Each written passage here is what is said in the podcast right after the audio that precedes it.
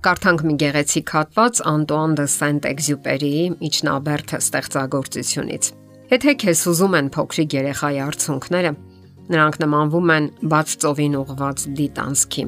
որովհետև հանկարծ դու դեմքիդ կզգաս ոչ միայն նրա, այլ բովանդակ աշխարի արցունքները։ Երեխան ընդհանրապես այն էակն է, որը բռնում է քո ձեռքից, որ քեզ սովորեցնի։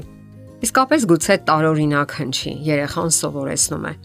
Սա գրական հնարանք է, ստեղծագործական մոտեցում, թե իսկապես ճշմարտություն է պարունակում։ Գրական ստեղծագործության հեղինակն այստեղ նկատի ունի այն, որ երբ ամուսինները երեխա են ունենում, նրանք նորովի են նայում աշխարհին, սովորում են սիրել առանց պայմանի, անշահախնդիր կերպով սիրում են փոքրիկ ու անպաշտպան էակին, որն ունի իրենց խնամքի, հոգատարության ու սիրո մեծ կարիքը։ Արդյոք երեխան հնաոճ է։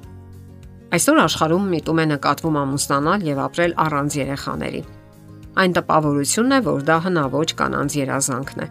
որpիսի հիանալի զավակներ մեծացնեն,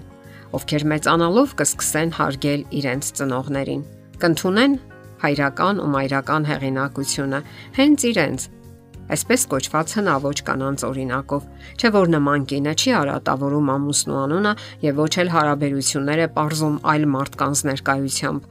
պահում է իր կարծիքները, որpիսի արտահայտվի այլ հարմար պահի եւ առանձնության մեջ։ Եվ վերջապես, այսպես կոչված հնաոճ կանայք փոխանցում են այդ համոզմունքները իրենց ժառանգներին եւ հետագա բոլոր սերունդներին։ Ինչ էլ որ այդ մասին ասեն շրջապատում։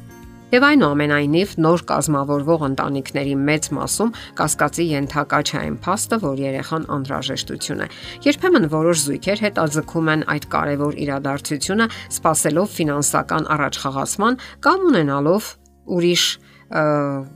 ծանրակշիռ կամ ոչ ծանրակշիռ պատճառներ։ Երեխա ունենալու պատճառները կամ չունենալու պատճառները տարբեր են։ Մի մասը ցանկանում է հենարան ունենալ ապագայի համար, մի մասը, որpիսի նոր կյանք ձեռք բերի երեխաների մեջ։ Երրորդներն էլ շատ են ցանկանում շարունակել իրենց երազանքները, ձգտումները, ցանկությունները երեխաների մեջ Մյուսներն էլ մտածում են, թե տունը դատարկ է առանց երեխաների։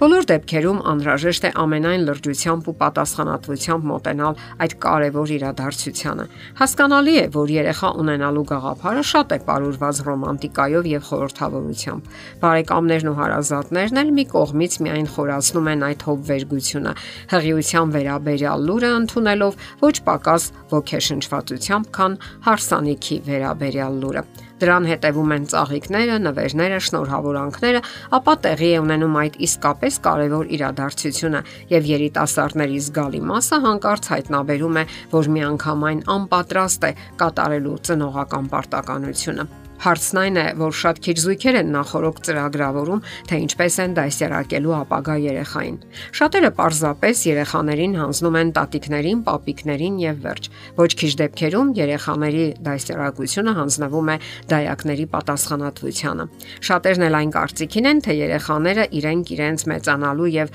դասերակվելու ընդունակություն ունեն։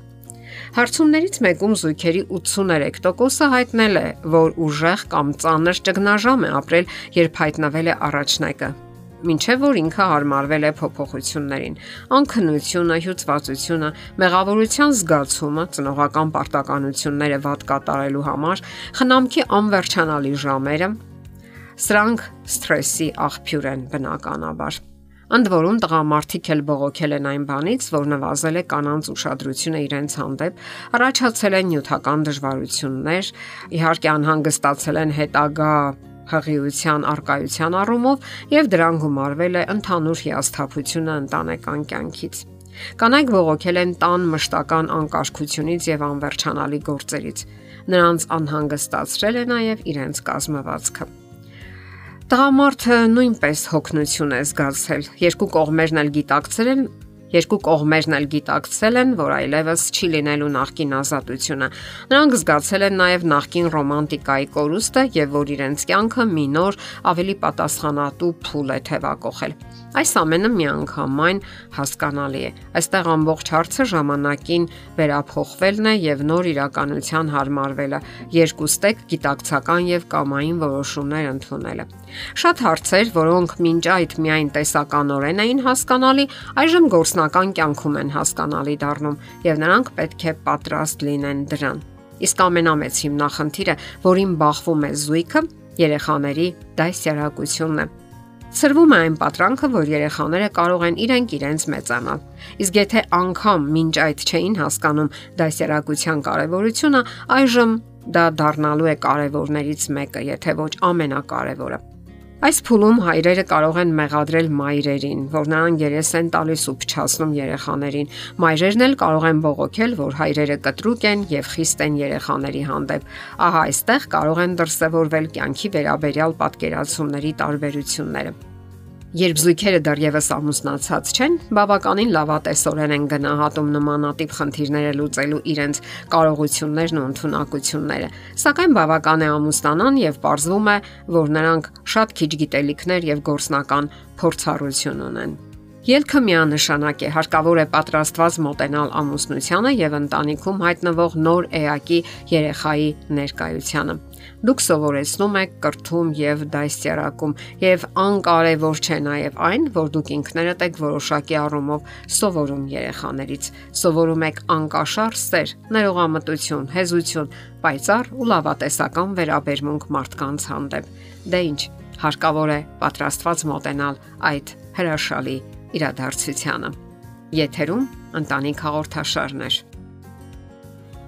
Հարցերի եւ առաջարկությունների համար զանգահարել 033 87 87 87 հեռախոսահամարով։